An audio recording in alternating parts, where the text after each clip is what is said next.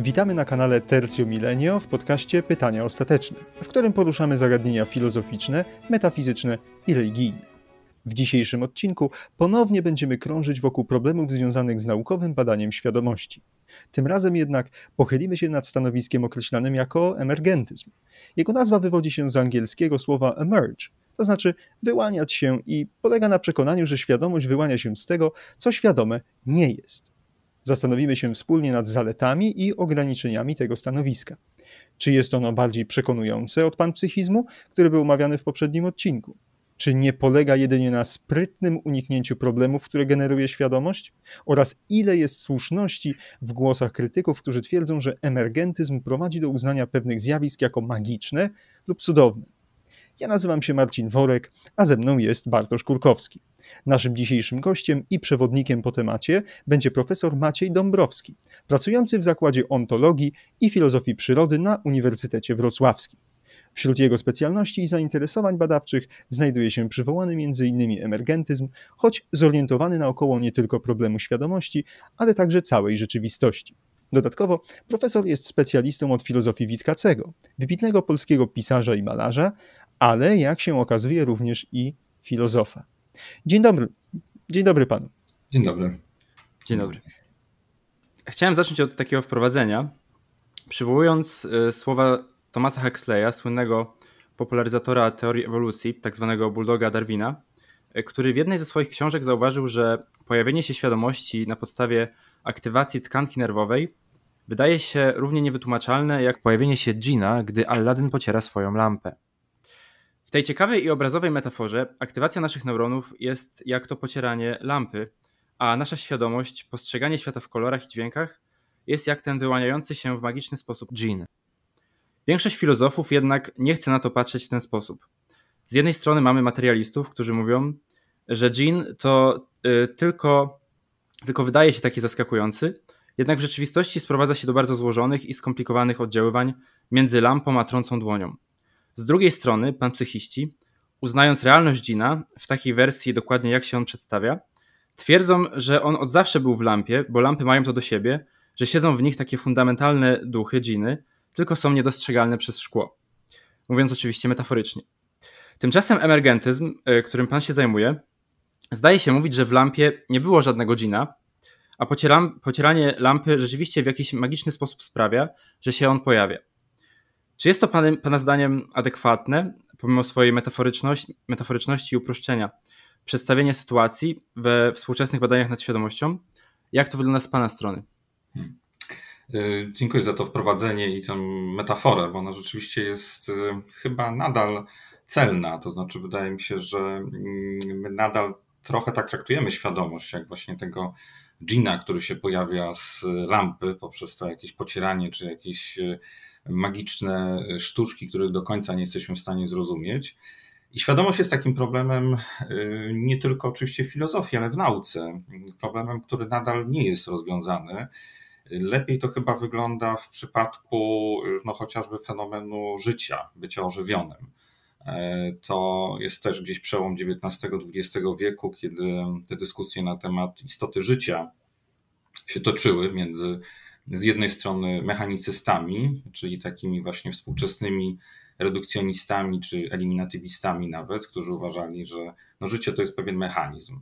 Tak jak Lametria uważał, że człowiek jest pewnym mechanizmem, oni uważali, że życie również jest właśnie no, pewnym mechanizmem, który daje się rozłożyć, złożyć z części.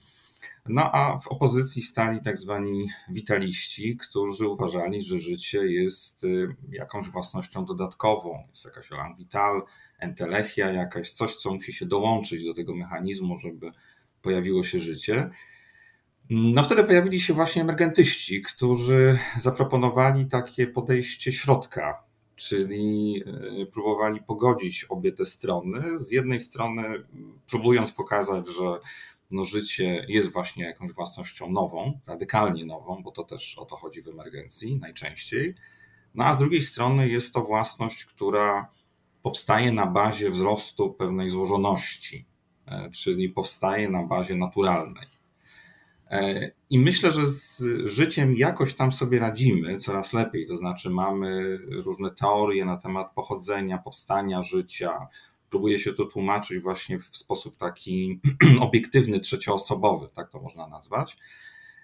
I tak jak z teorią ewolucji mamy różne konkurencyjne teorie, które ze sobą toczą, toczą dyskusje, czy, czy toczy się walka o to, która z nich będzie wiodła prym. Natomiast ze świadomością jest, wydaje mi się, że gorzej że nadal jednak jest to takie zjawisko mm, no, ze swojej istoty y, trudne, czy właśnie rodzące takie trudności nieprzekraczalne. Y, to się nazywa często trudnym problemem świadomości. Mamy łatwe problemy i ten trudny problem.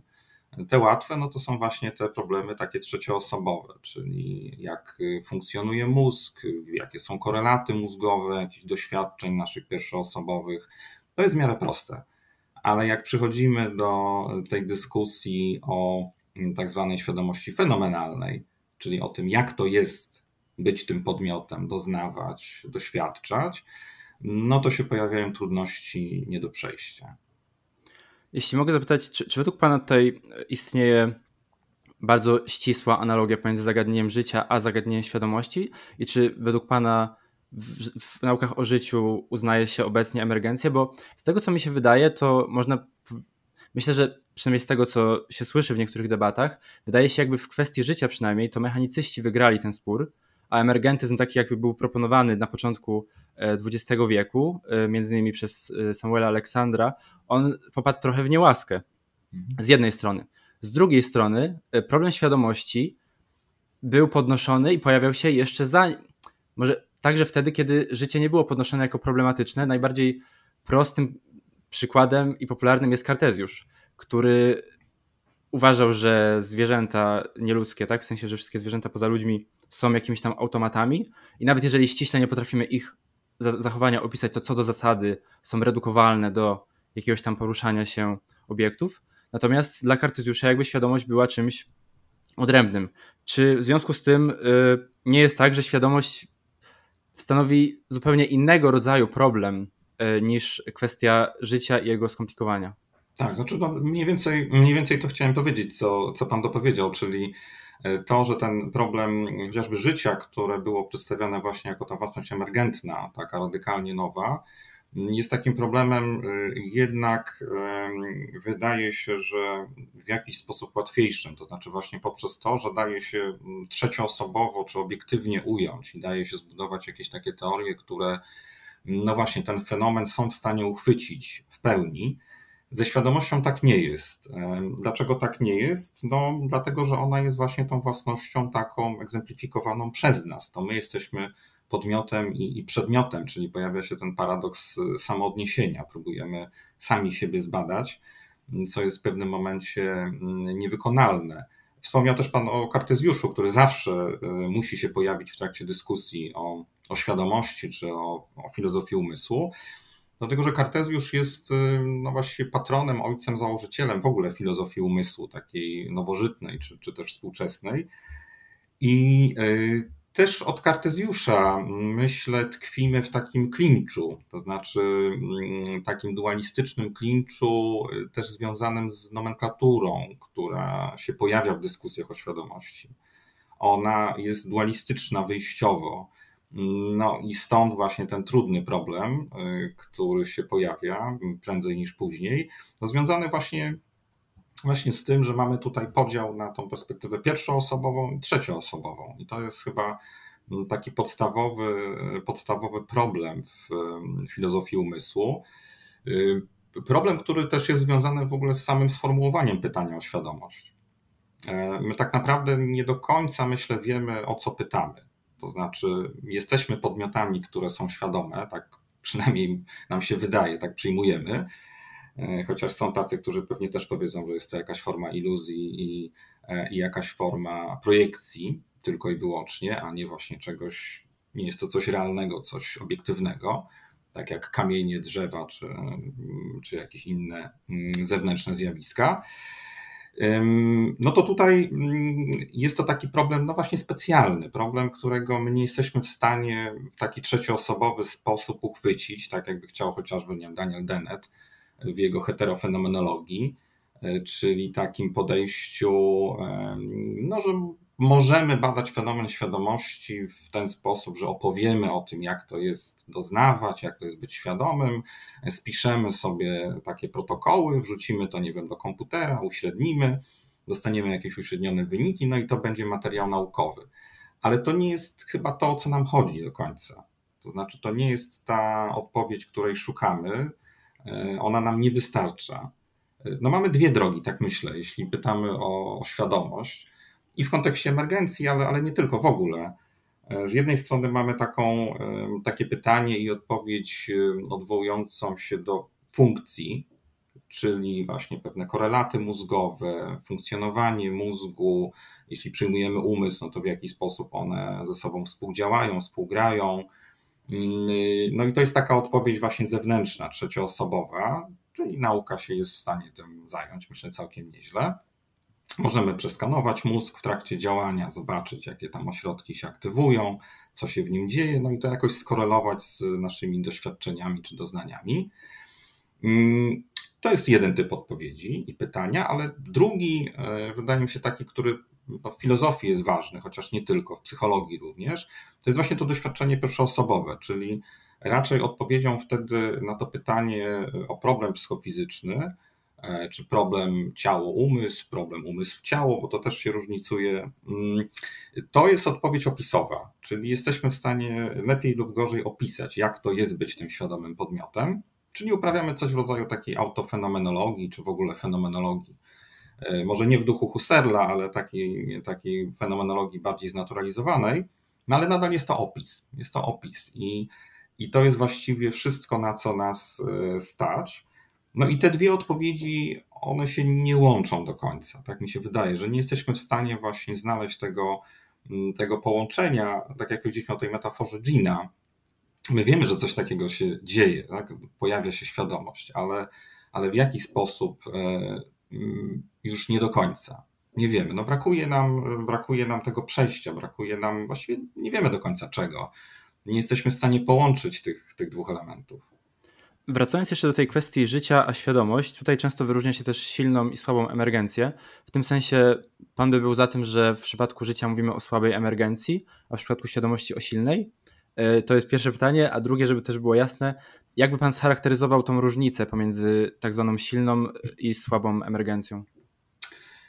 Mm, nie wiem, czy tak bym e, odpowiedział od razu jednoznacznie, czy tu jest silna, a tu jest, a tu jest mocna. E, prędzej może o tej, o tej różnicy, to znaczy, mm, jeśli chodzi o sam emergentyzm, jako pewną tezę, że zachodzi emergencja w świecie, bo emergencja byłaby raczej pewną relacją już bardziej konkretną, no to mamy oczywiście szereg wersji, tak jak to w filozofii e, właściwie od razu się okazuje, że każdy znajdzie coś dla siebie, czyli od wersji bardzo takich słabych, e, bardzo można powiedzieć, no nawet takich, których wielu emergentystów nie uzna za emergencję, czyli taka wersja związana z poznaniem, epistemologiczna czy epistemiczna wersja emergencji, no, która y, właściwie sprowadza się tylko do takiego twierdzenia, że coś jest niewytłumaczalne, niezrozumiałe, czyli emergentne dzisiaj.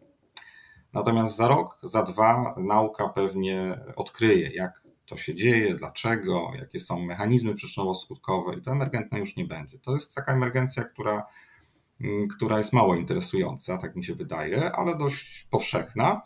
No i później mamy szereg wersji pośrednich, czyli y, jakieś takie wersje zakładające interakcje, czyli w jakichś systemach złożonych mamy interakcje między subsystemami, daje się poprzez te interakcje wytłumaczyć to, co mm, emergentne, czyli to, co nowego powstaje.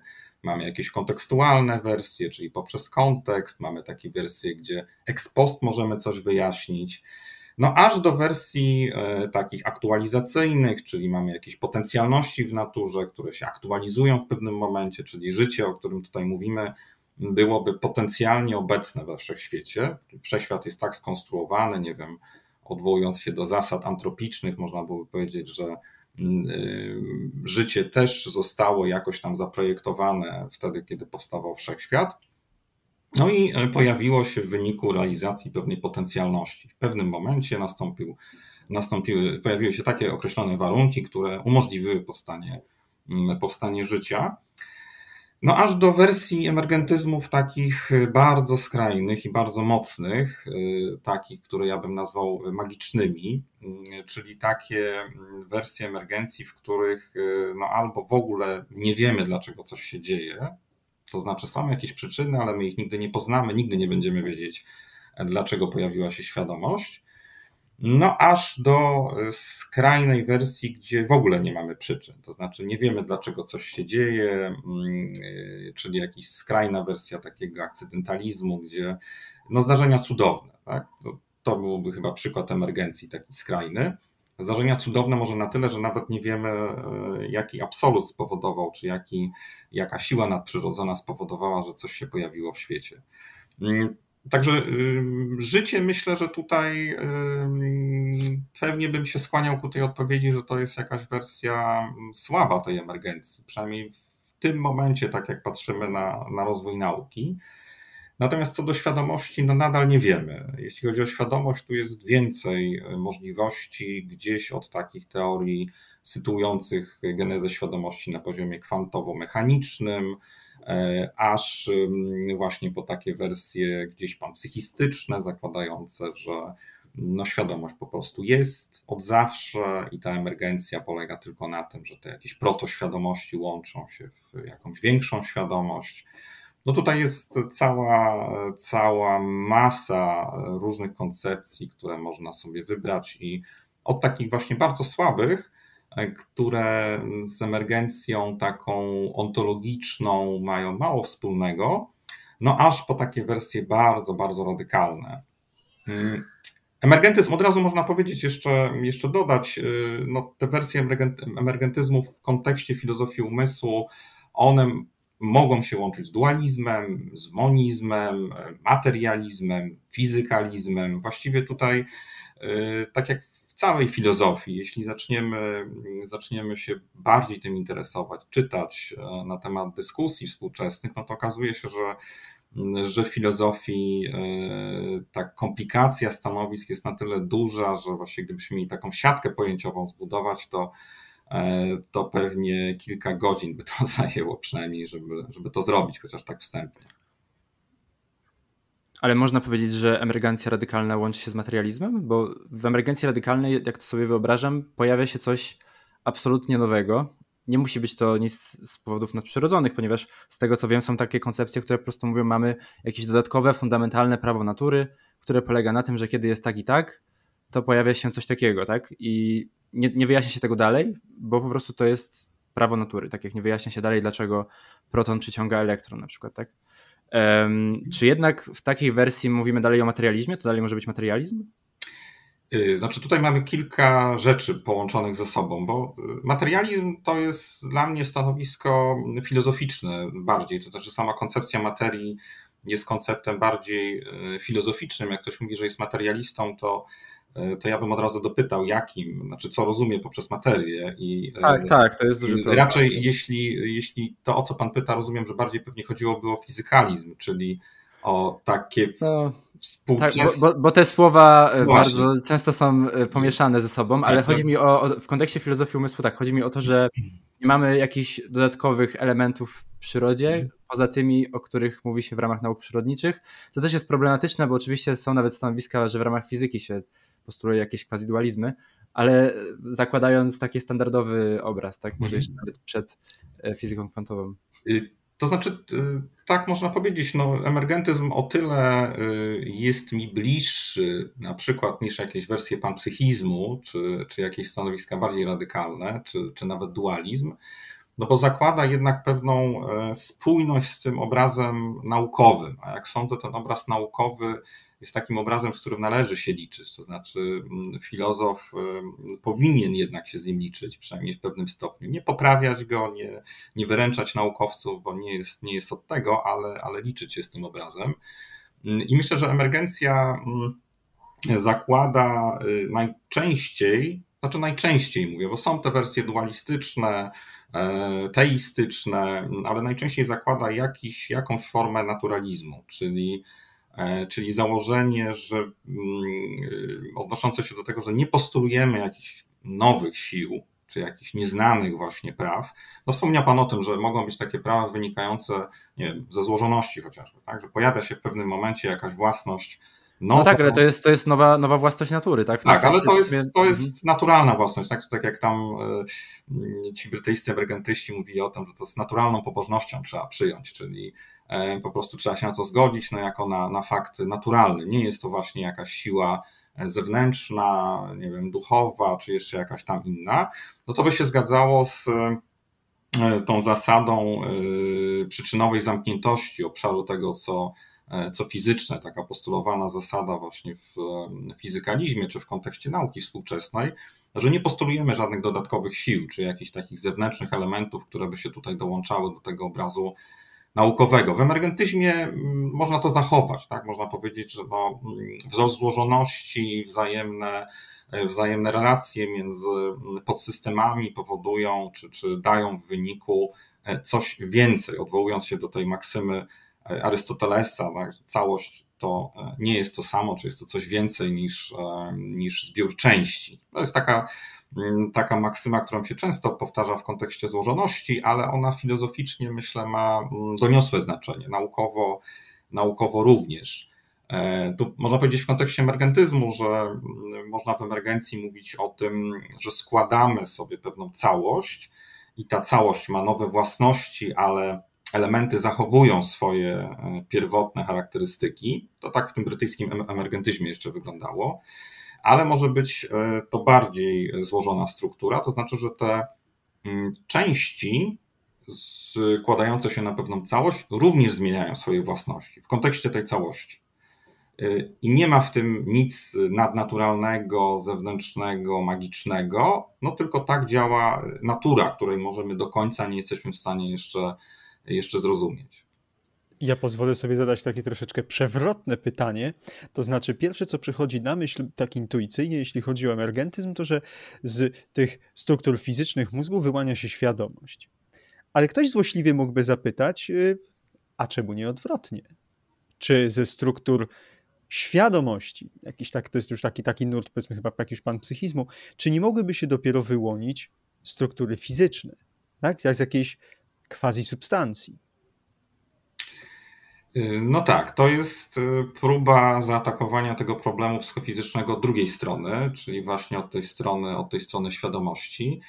Mm, emergentyści raczej, mówię raczej, bo to y, zawsze będzie się pojawiało tutaj, no stoją po stronie naturalizmu i ewolucjonizmu, czyli przyjmują mm, no właśnie ten obraz bardziej zgodny z tym obrazem, powiedzmy, naukowym, jeśli, jeśli taki istnieje, na który się zgodzimy, czyli że świadomość powstaje na bazie wzrostu złożoności, na bazie ewolucji, e, czyli powstaje, wyłania się, tak, bo to tak można byłoby lepiej nazwać, e, w pewnym momencie, czyli powstają pewne warunki odpowiednie, złożoność, warunki środowiskowe, w których może się pojawić e, świadomość Czyli ona jest uwarunkowana. Jest uwarunkowana pewnym procesem ewolucyjnym, jest uwarunkowana złożonością e, i w tym sensie no jest to próba takiego bardziej naturalistycznego tłumaczenia czy spojrzenia na, na fenomen świadomości. To, o czym Pan wspomniał, no to jest właśnie ta wersja mm, czy dualistyczna, czy panpsychistyczna, gdzie patrzymy od drugiej strony, czyli od y, świadomości no, co jest o tyle trudne, że mm, właśnie z tym ewolucjonizmem nie za bardzo to się zgadza. Y, ja wiem, że ewolucjonizm czy teoria ewolucji y, bywa atakowana z różnych stron i, y, i bywa kontestowana. Ja jej nie kontestuję, tak? Może tylko tyle powiem. I z tym obrazem się zgadzam, więc trudno mi jest ustosunkować się do tej wersji właśnie od drugiej strony, czyli że że jest może jakiś absolut albo jakaś nadświadomość, y, czy może jakiś kosmopsychizm, bo to też współcześnie się pojawiają takie pomysły, y, gdzieś tam może od Spinozy, no tak pewnie bym y, źródła, źródła szukał, czyli potraktowanie w ogóle wszechświata jako obdarzonego świadomością. No to wtedy faktycznie mm, patrzymy na to zupełnie od, od drugiej strony, ale to jest mocno, mocno przewrotne. Ja rzeczywiście długi czas zajmowałem się, czy zajmuję się Witkacym, czyli Stanisławem Ignacym Witkiewiczem. I to był no, głównie artysta, malarz, dramaturg, powieściopisarz, ale też filozof. I on miał właśnie taką ideę, że wszystko jest złożone z tak zwanych monad, czyli organizmów, które są obdarzone psychiką. I to było takie spojrzenie od drugiej strony. Znaczy, u niego może nie, że psychika czy, czy duch był pierwotny, ale wszystko było złączone razem. Czyli taka wersja mm, panpsychizmu. No i wtedy y, mówił Witkiewicz, rozwiązujemy problem psychofizyczny. No bo skoro ta świadomość, czy jakaś protoświadomość jest y, pierwotna, czy złączona z materią, mm, no to nie ma problemu psychofizycznego. Nie do końca mnie to przekonuje. Nie, nie, nie widzę tutaj tego rozwiązania, raczej, raczej obejście, obejście problemu. E, ale takie pomysły się pojawiają. Takie pomysły się pojawiają bardzo często i one są, myślę, no jest pewien powab w nich, e, żeby właśnie ta świadomość była pierwotna, żeby ten fenomen e, był takim fenomenem wewnętrznym, bo to też tak się traktuje, że świadomość to jest właśnie fenomen wewnętrzny, wszystkie inne fenomeny są e, relacyjne, zewnętrzne, a świadomość jest pierwotna, jest taką kategorią pierwotną, do której się powinniśmy odnosić, no i stąd Mm, z tej pierwotności wnioskuje się o tym, że ona jest właśnie bazowa jakoś tak. No to jest jeden z argumentów takich za, za panpsychizmem. Mówi się też o tej ciągłości świadomości, to jest taki kolejny argument za tym, czyli że mm, zaczynamy od naszej świadomości, próbujemy się cofać gdzieś tam, czyli zakładamy, że nie wiem, pozaludzkie zwierzęta są świadome, y, oczywiście naczelne są świadome, no być może y, nie wiem, psy, koty, y, ptaki, no czy pszczoły są świadome? Zadaje się takie pytania w kontekście takim naukowo-filozoficznym. E, Thomas Nagel uważa, że ameby są świadome nawet, e, ale to... Ten... No właśnie, tak. Ja że... Ale z tym, jest, z tym jest ogromny problem i tu sami też e, biolodzy się ze sobą nawzajem kłócą. Gdzie jest granica, tak? Sprawie. Tak. Mhm. Bardzo ciekawa jest książka pani to jest chyba była żona Dawkinsa właśnie, która się tym zajmuje i, i pisała o tym książkę. Natomiast y, ja chciałem, jeśli mogę, tak trochę mhm. krytycznie się odnieść do tego, co pan mówi, ponieważ mam trochę wątpliwości, czy można pogodzić fizykalizm jakoś tam rozumiany z radykalną emergencją. Bo mówi pan tutaj dużo o tym, że mamy sobie struktury, które coraz bardziej są skomplikowane i one potem mogą przekładać się na te własności emergentne. Jednak z drugiej strony mamy pierwszoosobowe, bezpośrednie doświadczenie świadomości, które w ogóle nie jawi się jako coś strukturalnego właśnie, tak? Czyli fenomeny, to co widzimy, świadomość jawi się jako prosta, oczywiście złożona z jakichś tam, mówiąc tym językiem e, filozoficznym, kwaliów, ale jednak same te kwalia i tak dalej wydają się czymś bardzo prostym. I kiedy na przykład naukowo e, próbowano z tego wyprowadzić jakieś e, postulaty dla naukowej koncepcji świadomości. Powstała taka koncepcja e, Integrated Information Theory, tak, teoria zintegrowanej informacji, ale ona, oni tam, twórcy, tak, to nie oni, on tam właściwie mówi, że to nie jest, yy, znaczy to może być jakieś tam cechy emergentyzmu, ale w zasadzie to już przypomina pan psychizm, bo my musimy założyć, że to nie jest tak, że wraz ze złożonością wyłania nam się świadomość, tylko ona się staje coraz bardziej złożona. Natomiast musimy założyć, radykalnie te inne własności, żeby w ogóle tą pierwszoosobowość mieć. Natomiast w przypadku radykalnej emergencji jest struktura, nie ma nic, nie ma nic, nie ma nic, nie ma i nagle boom, nagle jest to ta pierwszoosobowość, są te fenomeny. W tym sensie yy, właśnie mówi się o tej radykalnej emergencji, czy mówi się o tej magii, mówi się o tym cudzie.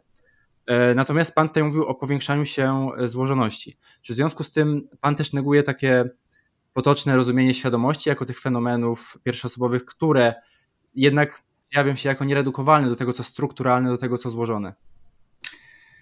Yy, dobrze, znaczy to yy, cała znowu taka, yy, cały ciąg problemów i, i pytań. Pewnie ciężko będzie na, na wszystkie odpowiedzieć.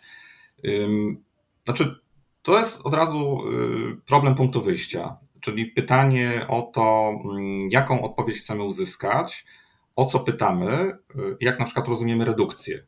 E, bo to się kryje tutaj w tych, w tych pytaniach, które, które Pan zadał, czyli sama teoria redukcji, tego, czego szukamy. Czy my się godzimy na redukcje miękkie, to znaczy, że podamy sobie jakieś korelaty mózgowe naszych pierwszoosobowych doświadczeń i to nam wystarczy, czy szukamy redukcji twardych. jakichś takich być może związanych z eliminacją wręcz, czyli że uzyskamy w pewnym momencie no jakieś takie, jakąś taką wiedzę, która nam rozłoży na czynniki pierwsze, to nasze doświadczenie pierwszoosobowe i my wtedy zobaczymy bezpośrednio w jakiś sposób. Są takie pomysły na taką maszynę, która będzie przetwarzać nasze doświadczenie na jakieś właśnie trzecioosobowe raporty i my będziemy w stanie monitorować na bieżąco, czy będziemy, nie wiem, uzyskamy jakąś, y, jakąś nową wiedzę na ten temat, która nas przekona o tym, że już wiemy, czym jest świadomość. Mm, to jest chyba problem wyjściowy, to znaczy, mm, jakiej odpowiedzi szukamy jak rozumiemy, mm, jak rozumiemy y, redukcję, jak rozumiemy w ogóle całą formę wyjaśniania. To jest to, od czego zacząłem. Czy bardziej nas interesuje ten fenomen pierwszoosobowy, czy, czy trzecioosobowy? Ja nie wiem do końca, jak je połączyć. Y, wydaje mi się, że one są nie do połączenia i nie wiem, e, nie wiem, czy to jest, e, mm, czy to jest problem taki obiektywny, że my nie mamy jakichś narzędzi do tego, czy to jest problem związany z nami, właśnie z tym takim paradoksem samoodniesienia, czy, mm, czy to jest może tak, jak e, chce tak zwany nowy misterianizm z Colinem McGinnem na czele, że jest ta odpowiedź, ona gdzieś jest, tak? Jacyś superinteligentni kosmici, u Nagla też coś takiego się pojawiało, pamiętam. Oni wiedzą, jak to jest, tak? Wiedzą, jak przełożyć tę magię świadomości na jakieś fizykalistyczne opisy i to się składa i ta odpowiedź pewnie gdzieś jest, ale my jej nie znamy. No, w związku z naszymi ograniczeniami poznawczymi, bo nasze umysły nie ewoluowały w kierunku e, samopoznania, tylko w zupełnie innym. No i nie mamy takich narzędzi do tego. Myślę, że to, to jest chyba taki, e, taki wyjściowy problem. Dlatego ja bym, e, ja bym nie powiedział, że coś e, neguje, tylko mm, jest ta luka eksplanacyjna pomiędzy właśnie tą perspektywą pierwszoosobową, taką fenomenalną, świadomościową, a trzecioosobową. I my nie jesteśmy w stanie tego w żaden sposób przełożyć, nie jesteśmy w stanie tego, e, tego zrozumieć, tego, tego złożenia. No być może jest tak, jak nie wiem, chce Dennett czy, e, czy Czlandowie, y, to znaczy zwolennicy jakiejś formy eliminacji, no że my tego nie rozumiemy, tak jak, nie wiem, człowiek średniowiecza miałby problem ze zrozumieniem tego, jak działa telewizja. No pewnie miałby problem, tak? miałby zasadniczy problem. E, i czy powiedzmy tłumaczenie y, błyskawic poprzez elektromagnetyzm. To podejrzewam, że, że byłoby ciężkie do, do wytłumaczenia. My wiemy już, że tak jest. I być może kiedyś zrozumiemy, że ten cały język mentalistyczny, pierwszoosobowy i tak dalej, on jest sprowadzalny w jakiś prosty sposób do języka tego fizykalistycznego, czy jak kto woli materialistycznego. Nie wiem do końca, jak to jest. To znaczy, nie znam tej mhm. odpowiedzi. Mhm. To, to, ja bym tutaj rozróżnił właściwie ten misterianizm, tak, od mystery, czyli zagadka. Mhm. To by było takie stanowisko, można powiedzieć, bardzo mocna, słaba emergencja. W tym sensie, że to jest jednak epistemologia, czyli to, jak poznajemy, od tej radykalnej emergencji, która jest jednak ontologiczna, tak, czyli odnośnie do tego, co jest w rzeczywistości. I tu pojawia się kolejny problem. Nie twierdzę, że pan jest zwolennikiem radykalnej emergencji, ale wydaje mi się, że takie uznanie radykalnej emergencji wprowadza niesamowity bałagan do świata. W tym sensie, że jeżeli sobie jeszcze mówimy o świadomości, czyli o czymś, co jest pierwszoosobowe, coś, co jest niedostępne y, metodą naukowym, metodą intersubiektywnym, no to skąd mamy wiedzieć, skoro już coś takiego się wyłania, pierwszoosobowego nagle z, jakiegoś, y, z jakichś oddziaływań, na podstawie których nie przewidujemy, nawet nie ma, nie ma co do zasady możliwości przewidzenia. Skąd mamy wiedzieć, czy kiedy, nie wiem, nie smaruję masłem kronki, to coś się tam nie pojawia, do czego ja nigdy nie mam dostępu, tak? To jest oczywiście jakiś przerysowany przykład, ale skoro już coś takiego się dzieje, kiedy właśnie pocieram tą lampę w metaforze, a w rzeczywistości, kiedy aktywuje się ten akurat neuron w tym miejscu, to czemu nie jest.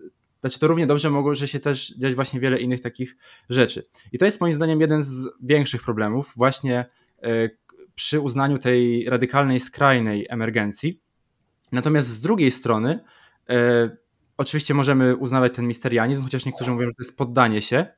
A z trzeciej strony, jak pan też zauważy, mamy eliminatywizm, współcześnie często się też to nazywa iluzjonizmem, e, gdzie tu są, można powiedzieć, skrajni materialiści, ale co ciekawe też, co można zaobserwować, oni są coraz bardziej mm, coraz bardziej otwarcie jakby idą w tą skrajność też tego iluzjonizmu, otwarcie jakby negując wprost takie rzeczy jak na przykład odczuwanie bólu i tak dalej, i tak dalej. I wydaje się jakby każda opcja była w jakimś sensie absurdalna. Nie wiem, czy negują odczuwanie bólu. To chyba za, za dużo powiedziane. E, jest taki artykuł na przykład Camerera, znaczy w ogóle w artykułach Deneta jest negowanie odczuwania bólu. E, bardzo polecam artykuł chociażby Why e, You Can't Make Computer That Make a Computer That Feels Pain, czyli dlaczego mhm. nie możesz zrobić komputera, który czuje ból, gdzie Denet udowadnia, że pojęcie bólu jest pojęciem sprzecznym. Też w jego Continent Consciousness jest o tym cały też artykuł w 2016 napisany Pain Eliminativism, E, który zbiera te różne koncepcje eliminatywistyczne w kontekście bólu. Natomiast współcześnie też wprost się o tym mówi, e, to taki słynny iluzjonista e, François Camerer, on tam cały artykuł napisał właśnie Normative Challenge Against Illusionism, czyli wyzwanie jakby normatywne względem iluzjonizmu, względem eliminatywizmu, w którym odpowiada na ten zarzut, że właśnie zgodnie z eliminatywizmem, iluzjonizmem musimy całkowicie przeformułować naszą, naszą etykę, która się opiera w dużej mierze na tym pojęciu cierpienia, pojęciu bólu. I on mówi, że tak właściwie jest i, te, i, i y, szuka możliwych rozwiązań. Mhm. Więc... To tak, bo to trzeba odróżnić pewnie dwa e, sposoby rozumienia tego e, bólu. To znaczy, jedno jest takie neuroprzekaźnikowe, czyli po prostu bodziec, reakcja i to, e, to jest zachowane. Tak, tego nie negują. Tego nie negują. A, drugie, a drugie, o którym Pan mówi, czyli to związane no, z kwaliami, z jakościami, bez których, jak mówi Denet, można żyć spokojnie. Można się bez nich obyć i, i nic, się, nic się złego nie dzieje, czyli one mogą być jakąś formą no, pewnej umowy społecznej, czyli tego, że, mm, że bez nich się, znaczy trudno obyć w takim doświadczeniu codziennym, bo jesteśmy tak wytrenowani do tego, żeby, żeby się posługiwać takim językiem, ale gdybyśmy się bardzo postarali, e, i uczyli, nie wiem, dzieci od, od przedszkola, żeby się posługiwać takim językiem e, jakimś e, neuronalnym, no to pewnie by się dało to zrobić, tak? To tak, tak pewnie by powiedzieli, że dałoby się tego oduczyć i wytrenować ludzi, żeby posługiwali się językiem obiektywnym, językiem e, nauki. E, to chyba jest, e, chyba jest taka wizja. No i to się opiera wszystko na, na tym podejściu takim skrajnie scjentystycznym czy, czy naukowym. No tak jak u Deneta chyba to najlepiej widać właśnie na, na podstawie tego jego marzenia o tym, że zbuduje się taką naukę obiektywną o, o świadomości, odrzucając ten właśnie język mentalistyczny, traktując go jako e, no, taką przestarzałą wersję, czyli tego, co się nazywa folk psychology, czyli ta, ta psychologia taka potoczna, e, którą należy odrzucić, tak jak Czeszandowie też uważają, że to po prostu należy o tym zapomnieć, należy to potraktować jak mm, język mitów, baśni czy cokolwiek innego. Mm, no, który należałoby zastąpić właśnie tym językiem takim osobowym, obiektywnym, trzecioosobowym, takim, który unika wikłania się właśnie w jakieś takie mm, werbalne, czysto dysputy o jakościach świadomości, doświadczeniu pierwszoosobowym i tak dalej. No to jest jakaś forma iluzji, to jest jakaś forma opowieści, którą my sobie snujemy e, sami dla siebie, a tak naprawdę no to są po prostu wyładowania elektryczne w mózgu. Y, I to jest opowieść, no, jakoś tam spójna, to znaczy patrząc na to z boku, no to, to jest to opowieść spójna, ale w momencie, kiedy przyjmujemy właśnie ten trudny problem, czy w ogóle przyjmujemy, że, że, że świadomość jest problemem, mm, czyli ten jakiś metaproblem świadomości, no to, to pojawiają się trudności i mm, problemem jest punkt wyjścia. Tak? Jeśli założy Pan tę opowieść naukową, taką trzecioosobową, y, no to faktycznie wydaje się, że, że można potraktować świadomość jako, jako właśnie te, y, te mm, pioruny ciskane przez bogów z Olimpu, y, a nie wyładowania elektromagnetyczne. I wydaje się to dość proste, wydaje się to takie rozwiązanie bardzo, bardzo pociągające. Dla mnie trudne. To znaczy, ja nie wiem, czy rzeczywiście to się, to się kiedykolwiek uda. Wątpię, no bo jesteśmy tymi podmiotami. Jesteśmy podmiotami, które odczuwają, które doświadczają, które są właśnie tymi podmiotami. No i tego nie jesteśmy w stanie w żaden sposób trzecioosobowo wytłumaczyć. Ale według Pana to jest trudne na poziomie przyjęcia spo... w społeczeństwie tego rodzaju poglądu, czy na przykład bo mówił Pan, że da się to co do zasady wyobrazić spójną opowieść, która powie nam, dokładnie wyjaśni, dlaczego się jakoś zachowujemy. Ale to nie będzie się w ogóle odnosić do naszej pierwszoosobowej perspektywy. No ale jeżeli wyobrazimy sobie taką sytuację, że w pełni wszystko wyjaśniamy za pomocą takiego naukowego opisu, gdzie dokładnie obliczamy i przewidujemy, jak ktoś się zachowa, kto coś powie, łącznie z tym, gdy ktoś mówi o, swoim, o swojej świadomości, łącznie z tym, gdy ktoś mówi o problemie świadomości, no to wydaje się, że ta świadomość, ta pierwsza osoba perspektywa staje się takim, to się po angielsku było, nazywało nomological danglers, tak? czyli takim wisielcem e, w tych prawach natury, która zupełnie tam w ogóle nie przystaje. I tutaj też nie chcę oczywiście być jakoś bardzo krytyczny, ale radykalna emergencja na tym poziomie ontologicznym rzeczywistości właśnie wydaje mi się dodawać takie e, nomological danglers, tak? czyli te, te wisielce e, w systemie praw przyrody. Hmm. Nie wiem, czy, czy, czy to jest dobre określenie, ten, e, ten wisielec, bo to by gdzieś nas kierowało w stronę jakiegoś takiego epifenomenu może, czy mm, czegoś, mm, co jest dodatkiem. No tak, ale... jeżeli potrafimy opisać mhm. całe zachowanie naszych organizmów bez odwołania do pierwszoosobowej perspektywy, to albo mamy nadprzyczynowanie, czyli nasza pierwszoosobowa mhm. perspektywa daje nam przy daje przyczyny, które, są z niej przyczyny, które już są w świecie, bo nie potrzebujemy się do nich odwoływać, mm. albo nie daje żadnych przyczyn. W tym sensie jest y, epifenomenem. Bo tutaj y, to, to, o czym Pan mówi, czyli to y, takie przez zwolenników redukcjonizmu czy fizykalizmu, często to jest określane jako naddeterminowanie czy przeddeterminowanie, over determination, czyli takie nad programowe przyczynowanie, które nie jest potrzebne, no bo jeśli jesteśmy w stanie wytłumaczyć wszystko na poziomie mózgowym, no to po co jakaś tam przyczynowość mentalna? Ale w emergentyzmie pojawia się mm, coś nowego, czyli tak zwana przyczynowość y, odgórna. Y, to jest chyba y, ważne w tym kontekście, czyli to, że ten poziom mm, nadbudowany, powiedzmy umysłowy, traktując ten przykład emergencji, czy odwołując się do, do umysłu jako przykładu emergencji, no to ten poziom nadbudowany oddziałuje zwrotnie na poziom ten fundujący, czyli ten, ten podstawowy. To, to jest jakaś nowość. Mm, bo tradycyjnie w takich ujęciach redukcjonistycznych to wszystko sprowadzamy do bazy, do, do podstawy. Ona jest najważniejsza. Tu nie chcę znowu wchodzić w jakieś takie szczegóły y, techniczne, ale mamy taką relację, mm, tak zwaną relację superweniencji, y, bardzo ładne, ładne słówko, y, czyli taka relacja, która zakłada no w takim najprostszym ujęciu to, że jeśli coś się dzieje na poziomie umysłowym, to również zmiany zachodzą na poziomie mózgowym, czyli tym bazowym. No i druga rzecz, jeśli mamy, czy drugie, mm, drugie założenie, jeśli mamy dwa takie same mózgi, to będziemy mieć dokładnie dwa takie same umysły. Y, nie chcę, tak jak mówię, rozwijać tych, tych szczegółów technicznych tego, tego założenia, ale ono się pojawia w kontekście emergencji czy emergentyzmu no po to, żeby uniknąć dualizmu, żeby jakoś te, te dwie sfery, czyli ten emergent z tą bazą połączyć ze sobą. Y, tylko, że to ma taki wydźwięk redukcjonistyczny mocno, tak sądzę. Ale pojawia się ta przyczynowość odgórna, czyli to, że umysł y, kształtuje mózg. Przykładem byłaby plastyczność y, mózgu, to, że, że jakieś nasze działania czysto umysłowe zwrotnie wpływają na, y, na bazę, czyli na tą, y, tą bazę y, mózgową. Także ten poziom emergentny, nawet jeśli on jest radykalny, on chyba nie będzie tym, tym, tym wisielcem, to znaczy w tym, w tym kontekście nie będzie czymś takim dodanym właściwie nie wiadomo dlaczego i nie wiadomo po co, mm, no bo będzie połączony z bazą. Mm, emergentyści raczej unikają dualizmu, czyli unikają właśnie takiego podejścia gdzie te poziomy rzeczywistości są od siebie odseparowane w taki mocny sposób.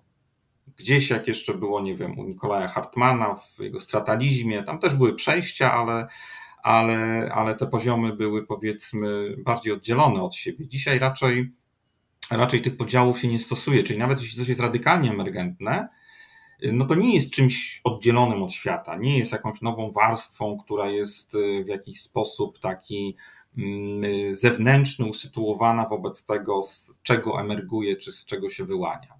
E, nawet myślę, że w tej radykalnej wersji. No, no chyba, że przyjmiemy jakąś emergencję, nie wiem, duchów, e, nadprzyrodzonych sił, no to wtedy pewnie tak. Kiedy, kiedy pan mówi o dualizmie, to panu chodzi o dualizm substancji, bo wydaje mi się, że jak mówimy o emergentyzmie no to mamy nowe własności, w tym sensie tak. to jest dualizm własności. Tak. Albo, bo, znaczy, pro, moim, moim zdaniem w ogóle jest ogromny problem z samym słowem dualizm, bo mhm. dualizm zakłada dwa, a w samej fizyce mamy też masę własności, które są y, fundamentalne. W tym sensie to nie jest tak, że dodajemy coś drugiego, tylko dodajemy mhm. czasem coś dwunastego, ale to, to inna sprawa. Y. Ale tak się przyjęło mówić, tak, że mamy jakieś tam własności fizyczne, to jest jeden i własności umysłowe to jest mhm. dwa. W tym sensie w emergentyzmie, w emergentyzmie chyba mamy ten dualizm, własności, mhm. nawet jeśli nie substancji. Czy nie? E, tak, no, czy, y, znowu, jeśli nie mamy wchodzić w takie szczegóły techniczne filozofii, chociaż to jest trudne w pewnym momencie, bo już wchodzimy i się, no, się nie da inaczej, i zaraz się pojawia dualizm substancji, własności, dualizm aspektów i tak dalej, i różnice między nimi. Mm, czyli mamy oczywiście takie stanowiska bardzo dziwne, powiedzmy, dla zewnętrznego obserwatora, jak ten dualizm własności, czy nieredukcyjny fizykalizm albo nieredukcyjny materializm, jak to się nazywa. Czyli mamy substancję, która jest materialna czy, czy fizyczna, ale ma niefizyczne własności. I co to znaczy wtedy, tak? Jak to, jak to ze sobą pogodzić? Takie stanowiska oczywiście są, e, takie i bardziej ekstrawaganckie, więc e, jak wchodzimy w te szczegóły techniczne, to się, to się robi ciekawiej i trudniej jednocześnie. E, I z dualizmem mamy ogromny problem, e, no bo e, no właśnie, czy ten dualizm substancji kartezjański jako punkt wyjścia, ale te dualizmy współczesne są bardziej wysublimowane i trudno powiedzieć, czy one są mm, właśnie bardziej tymi dualizmami takimi mocnymi w stylu Kartezjusza, czy to są takie dualizmy, które właściwie dla Kartezjusza dualizmami już by nie były.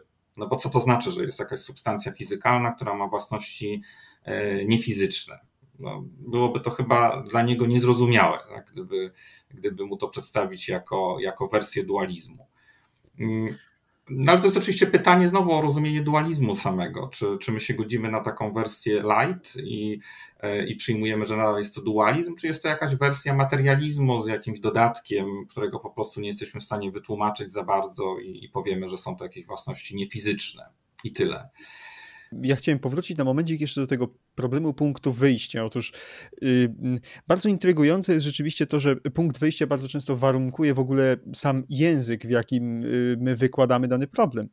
I teraz yy, taka wątpliwość y, y, automatycznie mi się zrodziła. Otóż a co jeżeli to jest troszkę tak, że my przyjmując konkretny punkt wyjścia, czy to pierwszoosobowy, czy trzecioosobowy, warunkujemy sobie, a jednocześnie też zamykamy y, pewną przestrzeń, w jakiej możemy generować y, wiedzę czy jakąś spekulację na dany temat. Bo okazuje się, że jeżeli przyjmie się taką radykalną, sztywną y, w ramach swoich granic y, perspektywę trzecioosobową, to dochodzimy do moim zdaniem niewynikających wniosków, polegających na tym, że stawia się tezę, w ramach której ludzka świadomość, ludzki umysł jest tylko wynikiem złożoności procesów, jakie zachodzą na poziomie neuronalnym, ale jednocześnie my sami w ramach konstruowanej przez siebie kultury nie obserwujemy takich zjawisk, jak na przykład samoświadome czy świadome AI. Nie mamy nawet y, narzędzi do tego, żeby w sposób empiryczny zweryfikować, czy to AI jest świadome, bo owszem, możemy zaprogramować to AI, by ono sobie odpowiadało na wszystkie prompty, jakie mu wrzucimy e, w taki sposób, jak nam to odpowiada i naturalnie będzie spełniało wszelkiego rodzaju testy e, w ramach e, badania, czy ta i ta istota jest świadoma. Ale ostatecznie problem jest zupełnie inny, bo okazuje się, że my nie wiemy, co jest naturą świadomości. I do tego właśnie y, jakby zmierza moje pytanie i ta moja wątpliwość, że jeżeli chcielibyśmy przyjąć trzecio, trzecioosobową perspektywę na problem umysłu, na problem świadomości, to docieramy do punktu, w którym y, robimy wszystko to, co nauka robi dobrze, czyli y, wyjaśniamy wszelkiego rodzaju struktury i podstruktury, które, które budują cały ten no, zamek z piasku, tak? Ale nie docieramy do sedna, czyli nie odpowiadamy na pytanie, co jest naturą świadomości i co mogłoby sprawić, że y, moglibyśmy nią manipulować. Tak? I co mogłoby sprawić, czego moglibyśmy użyć dopiero, żeby próbować dokonać transkrypcji pierwszoosobowego doświadczenia na trzecioosobowy, y, y, mniej lub bardziej precyzyjny opis tego, co przeżywamy. Mhm. No, fizykalista czy materialista, redukcjonista odpowiedziałby panu, że to się daje zrobić, że oczywiście daje się skanować mózg, daje się już po części odczytywać, co w tym mózgu się dzieje, bo są takie próby odczytywania myśli czy obrazów, które gdzieś tam się pojawiają w umyśle. To nie jest na razie super dokładne, ale to już się dzieje. Więc nie są to tylko i wyłącznie korelacje, bo to jest chyba taki podstawowy problem, że dualista czy, czy pan psychista powie, że no to jest jakaś korelacja to nie jest przyczynowanie, to, to, to, to nie są właśnie jakieś ścisłe prawa psychofizyczne, tylko są to tylko i wyłącznie korelacje. Natomiast no, idąc za tym obrazem naukowym, no to rzeczywiście coraz więcej się dzieje. To znaczy, trudno jest utrzymywać, że są to tylko i wyłącznie korelacje. I to jest punkt jednak dla redukcjonistów czy tych zwolenników tego obrazu, tego obrazu naukowego. Natomiast faktycznie wracamy znowu do tego wyjściowego pytania, czyli punktu wyjścia, tej siatki pojęciowej. Tego, o co pytamy, co nas interesuje, co to znaczy, właśnie, co to znaczy być świadomym. Co znaczy być świadomym dla, dla komputera? Czy to, mm, że program komputerowy przejdzie test Turinga, to znaczy, że jest świadomy? No, dla nas pewnie, pewnie nie. Trzeba czegoś więcej, tylko nie wiemy do końca, do końca czego. Mm, jeśli mamy do czynienia z ludźmi, przedstawicielami naszego gatunku, no to też jest problem, bo ja nie wiem, jak to jest być panami. Nie wiem. Wiem mniej więcej, jak to jest być sobą, ale już e, jak to jest być e, kimś innym, nawet przedstawicielem mojego gatunku, to ja nie wiem, bo może on ma odwrócone spektrum barw, a może jeszcze coś innego, a może inaczej odczuwa ból. Ja się tego tak naprawdę nigdy, e, nigdy nie dowiem, nie mam, nie mam żadnych możliwości. No ale mam powiedzmy jakąś formę wczucia, analogii, jestem w stanie no mniej więcej na zasadzie indukcji pewnie y, przewidywać, że jeśli ktoś, nie wiem, ma grymas na twarzy i, i krzyczy, ma ranę, no to znaczy, że, że go boli, tak? To właściwie tyle wiem. Ale wiele więcej nie wiem. I jeśli dochodzimy do tej sztucznej inteligencji, o której Pan wspomniał, no to problem robi się dramatyczny, no bo ja wtedy w ogóle nic nie wiem, mam tylko jakieś oznaki zewnętrzne. Ja nie wiem, czy to jest ten, ten chiński pokój, czy może to jest jednak faktycznie coś, coś więcej. I co to znaczy to coś więcej? Redukcjonista odpowie, że, że nie ma tego czegoś więcej, że to jest moje złudzenie, to jest iluzja, to jest coś, co pojawia się w moim umyśle na przykład po to, żeby mi się lepiej funkcjonowało w społeczeństwie, tak się to tłumaczy, tak, powstanie świadomości, że ona po to jest, żeby ten e, wehikuł biologicznego organizmu lepiej funkcjonował w środowisku i, e, i w społeczeństwie. I to jest jakby główna, mm, główna przyczyna tego, że, że pojawiła się w świecie świadomość, i to wystarcza. I tutaj nie ma żadnej tajemnicy, nie ma, nie ma niczego, niczego więcej. No tak jak nie ma pewnie tajemnicy właśnie w tym, że jest internet, telewizja i jeszcze coś tam innego. No ale to tak jestem adwokatem diabła tutaj, tak? I próbuję, próbuję bronić tego stanowiska redukcjonistycznego, bo myślę, że ono jednak w pewnej mierze no, jest adekwatne i że, że, że trzeba się z nim liczyć i że różne formy dualizmów, czy właśnie takiego podejścia no, że to jest coś niewytłumaczalnego w ogóle, nie są przekonujące. Także ja bym stał gdzieś na gruncie jakiejś umiarkowanej emergencji, tak bym powiedział. Nie wiem, czy, czy nawet radykalnej. E, bardziej w kierunku właśnie tej umiarkowanej się skłaniam, bo to będzie zawsze tajemnica. Tak myślę. Jakbyśmy sobie y, odróżnili zagadki od tajemnic, czyli zagadka to jest coś, co ma rozwiązanie, a tajemnica już nie, no to myślę, że będzie tajemnica świadomości, że ona obiektywnie nie będzie nigdy przekroczona, no bo trudno nawet sobie wyobrazić jakąś taką falsyfikację, czy, czy, czy jakiś możliwy eksperyment, który, mm, który by sfalsyfikował różne teorie świadomości. Nie wiem, ja nie, nie widzę niczego takiego na, y, na horyzoncie. Raczej to się będzie ciągnęło no właśnie w ten sposób, że będziemy mieć coraz więcej E, coraz więcej po stronie nauki e, tych osiągnięć, które pewnie doprowadzą do tego, że no będzie można sterować, nie wiem, myślami, będzie można je odczytywać, będzie można je jakoś trzecioosobowo opisywać, ale ten problem pierwszoosobowy zostanie z nami na zawsze. No i kwestia tego chyba, czy uznamy, że to jest problem, czy, e, czy w końcu może stwierdzimy jako społeczeństwo, mm, no, że to nie jest dla nas problem że godzimy się z tym, że, że, że, że jest to jakieś takie właśnie doświadczenie, które dla nas kiedyś było problematyczne, a może już teraz nie jest. Nie wiem, jak to będzie. Być może. W tym sensie wieloznaczności pojęcia świadomości i pojęcia umysłu, tutaj jak Pan mówił o tym, że pewne rzeczy, na przykład sterowanie myślami i tak dalej, można traktować jako część tego problemu. Myślę, że bardzo pomocnym jest podział na ten e, świadomość dostępności tak, i świadomość fenomenalną. Mhm. W tym sensie ten access consciousness, phenomenal consciousness, gdzie w ramach tej świadomości dostępu możemy mówić o naszych przekonaniach i wszystkim tym, co wydaje się prosto redukowalne do zachowań. Mhm. Natomiast y, w czymś fenomeny jako takie, czyli do, doświadczanie już takie nie jest. I w tym sensie wydaje mi się, że problematyczne jest mówić o czymś innym niż o korelacjach w kontekście danych neurobiologicznych. Chyba, że pan dał jakiś ciekawy przykład. Znaczy, nie, nie wiem, bo y, korelacje to jest y, właśnie coś, co mm, ci zwolennicy redukcji no po prostu mm, odrzucają. Tak? No Dennett powie, że, że nie, ma, y, nie ma właśnie tego problemu, o którym Pan mówi. To znaczy, nie ma tej różnicy między tymi świadomościami. Jest jedna po prostu i tak naprawdę jest to, co się dzieje, to, co się dzieje w mózgu. Y, no bo to już stawiamy pewną tezę, tak? że jest, są dwie świadomości, tak jak u tego bloka, którego, y, na którego się Pan powołuje, czyli mamy dwie, dwie różne świadomości.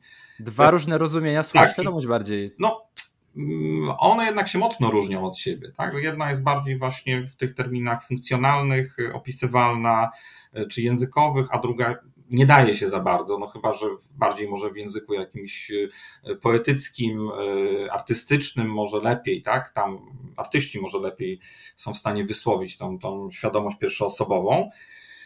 E, no i kwestia tego, czy my to przyjmiemy, czy my przyjmujemy ten, ten, ten wyjściowy podział. Jeśli tak, no to pojawia się trudny problem, pojawia się szereg zagadnień, które są nierozwiązywalne, a jeśli nie, to nie mamy problemu. I to jest, to jest ten punkt wyjścia, ten punkt, mm, te, ta, ta kwestia siatki pojęciowej. Pojawia się wtedy tajemnica, o której Pan mówił. Już mm. tak mhm. kończąc, bo dużo już nam zeszło, chciałem zadać takie ostatnie pytanie. Czy według Pana, już takie prostsze, mam nadzieję, bo temat jest oczywiście bardzo fascynujący, ale można byłoby tak godzinami mm. rozmawiać. Czy według Pana, poza zjawiskiem świadomości, istnieją jakieś inne zjawiska w przyrodzie, które skłaniałyby nas do mówienia o tego samego rodzaju, może nie tego samego rodzaju dokładnie, ale tego samego poziomu tajemnicy, mhm. co w przypadku świadomości. Mhm.